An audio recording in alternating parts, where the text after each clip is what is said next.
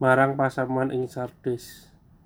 Sira nulisa marang malaikate pasamuan ing Sardis. Iki pangandikane kang kagungan Roh Allah pitu lan lintang pitu iku.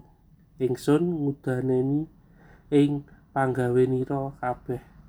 Sira kaaranan urip mongko satemene mati. Sira tangya lan nyantosna apa kang isih kari kang wis ngarepake mati. Awit panggawe iku ora ana siji-sijia kang sampurna ana ing ngarsane Allah ingsun kang iku sira elinga kepriye anggone nampani lan krungu iku tetep ana lan mratobat gadaran menawa sira kaya maling gadaran menawa sira ora jumoga ingsun bakal ngrawuhi sira kaya maling sarta sira ora bakal sumurup payah apa anggone ingsun ngrawuhi sira.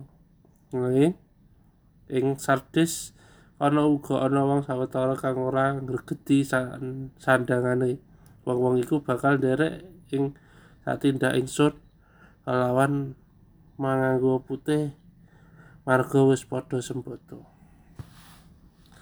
Sing sapa unggul iku bakal dienggoni sandhangan putih kaya mangkono jenenge mesti bakal ora son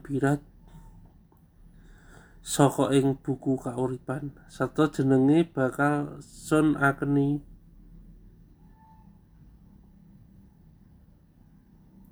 Ana ing son akeni ana ing ngarsane ramaning sun lan ing ngarepe para malaikate sing sapa duwe kuping ngrungokno apa kang dadi pangandikane Sang Roh marang pasamuan-pasamuan